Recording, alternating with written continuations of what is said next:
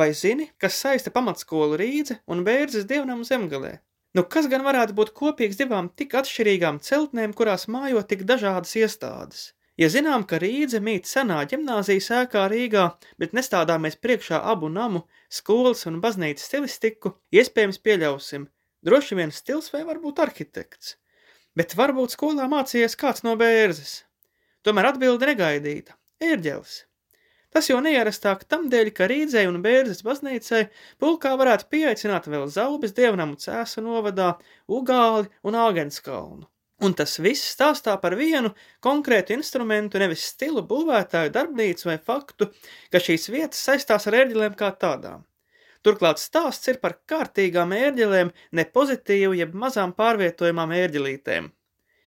Protams, stāstā viss pakļaujas taustāmās laiktelpas likumiem, un dažādās vietās un vienlaik šis instruments nav atradies. Tam liktenis vienkārši vēlējas daudz ceļot.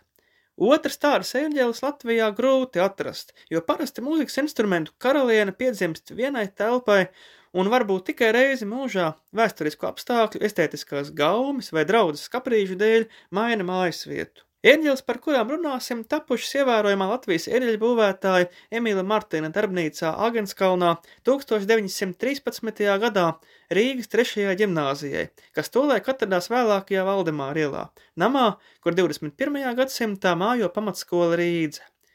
Padomju laikā skola ar visām ērģelēm pārceļoja uz vecerīgu, kur instruments piedzīvojis skarbus laikus, jo skolēniem rokas tā vien stiepušās posta darbiem – Tolaik, protams, ērģeles kā tādas skolā vairs īsti neiekļāvās, un pēcatmodas gados skola no ērģelēm atteicās. Instruments vispirms aizceļoja uz Ugāles ērģeļbūvas darbnīcu, kuras telpās nogulēja labu laiku, tad uz Zaubes luterāņu baznīcu, kuras ērģeles, kā daudz vieta bija laupījis padomju posta laiks.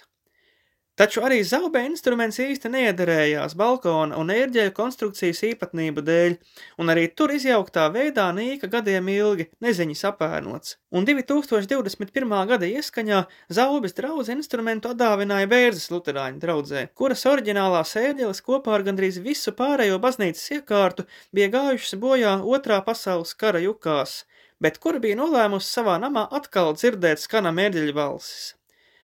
Šobrīd instruments daudzās detaļās sadalīts snauž bērzes dievnama zālē un gaida brīdi, kad savā vecajā vietā atkal pacelsies lukta, uz kuras tam nostāties.